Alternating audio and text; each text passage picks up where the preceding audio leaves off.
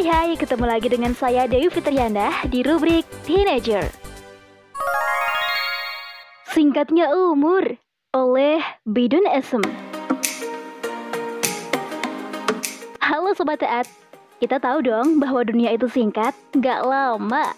Jatah kita di dunia itu juga sedikit, gak banyak. Terus, apakah kita bakal puas dengan yang sedikit dan singkat ini? Padahal nih, kita bisa loh memperoleh sesuatu yang lebih di akhirat nanti. Dengan syarat, kita harus banyak menahan diri dan bersabar di dunia yang singkat ini, Sob. Hmm, mungkin kita pernah dengar, Sob, bahwa kita hidup di dunia ini hanyalah sekitar satu setengah jam saja dalam hitungan penduduk langit. Wah, kok bisa ya? Iya, jadi perhitungan matematikanya sebagai berikut nih, Sob. Apabila 24 jam sama dengan 1000 tahun, 3 jam di akhirat sama dengan 125 tahun, dan satu setengah jam di akhirat sama dengan 62,5 tahun di dunia. Sementara sob, Rasulullah saja hanya hidup 63 tahun. Artinya umat beliau ya nggak jauh-jauh amat deh dari umur beliau. Kalaupun ada yang lebih dari itu, itu adalah bonus dari Allah sob.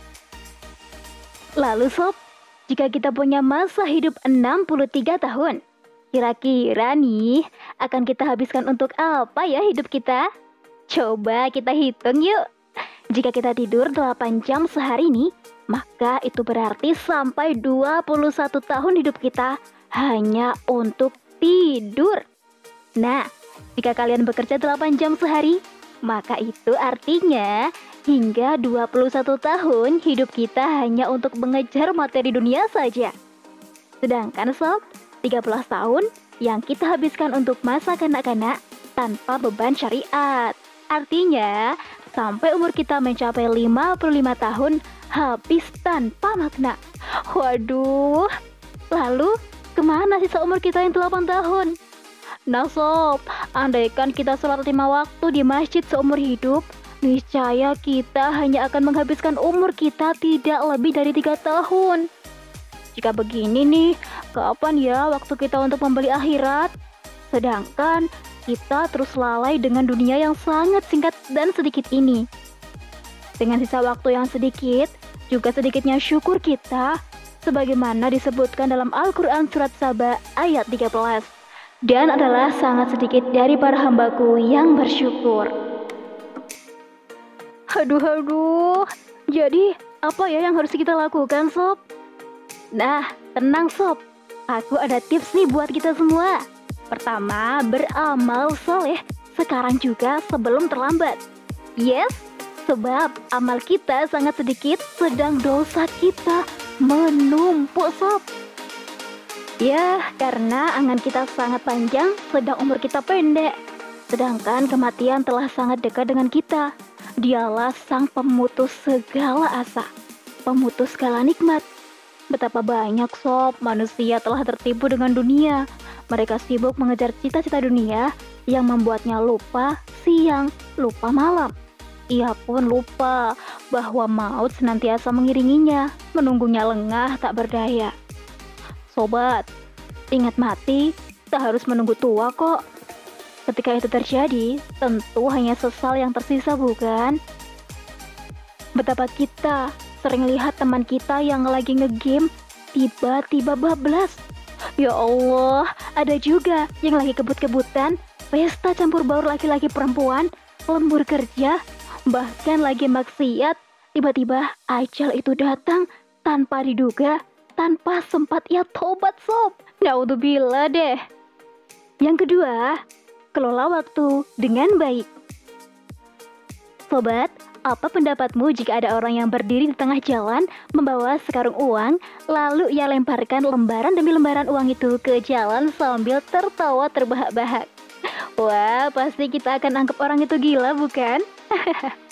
Ya, tapi anehnya ketika ada orang yang membuang waktunya untuk hal-hal yang enggak bermanfaat bahkan maksiat sambil tertawa riang nih, enggak ada tuh seorang pun dari kita yang menyebut dia gila. Padahal sejatinya itu adalah orang yang sedang membuang kekayaan tiada tara sob, yang bahkan tak ternilai, yang enggak mungkin bisa tergantikan oleh apa pun. satu detik saja waktu yang kita punya terbuang dalam hal yang bukan ketaatan, maka sesungguhnya itu merupakan kerugian besar. Namun kebanyakan kita nggak menyadarinya. Waktu, ya waktu, merupakan anugerah Allah yang luar biasa besar. Waktu adalah kehidupan itu sendiri. Waktu adalah umur kita. Bahkan sobat, saking besarnya peran waktu dalam kehidupan manusia, Allah pun bersumpah dengan nama waktu di berbagai ayat dalam Al-Quran.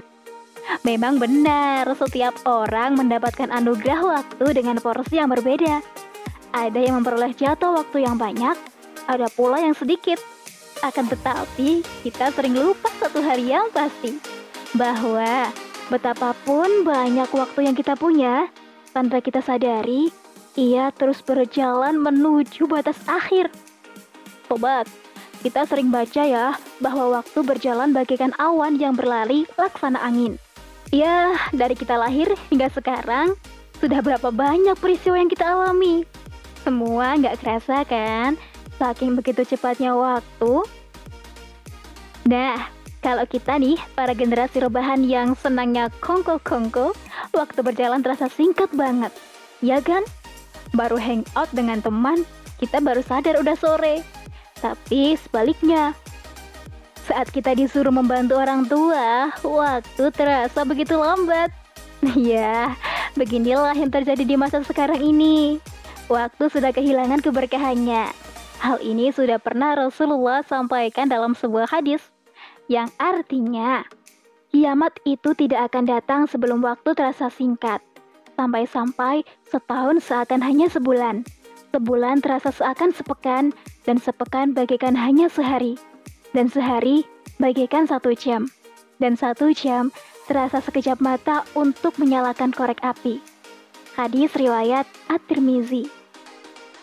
Kesimpulannya nih sob, di zaman akhir ini waktu terasa berlalu begitu cepat.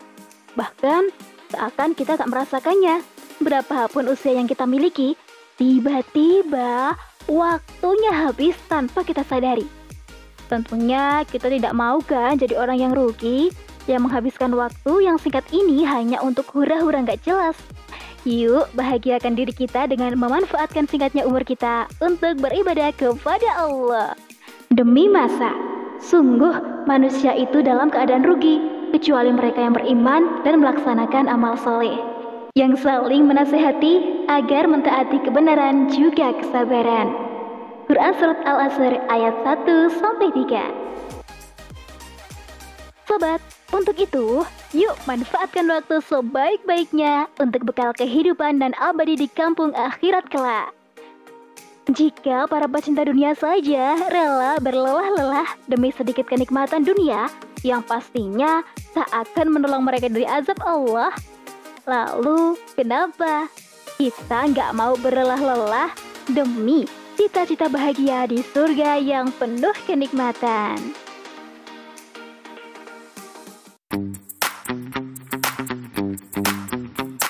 Oke, Dir. Sampai di sini dulu ya. Saya Dewi Fitriana, pamit undur diri dari ruang dengar sahabat semuanya. Bye-bye.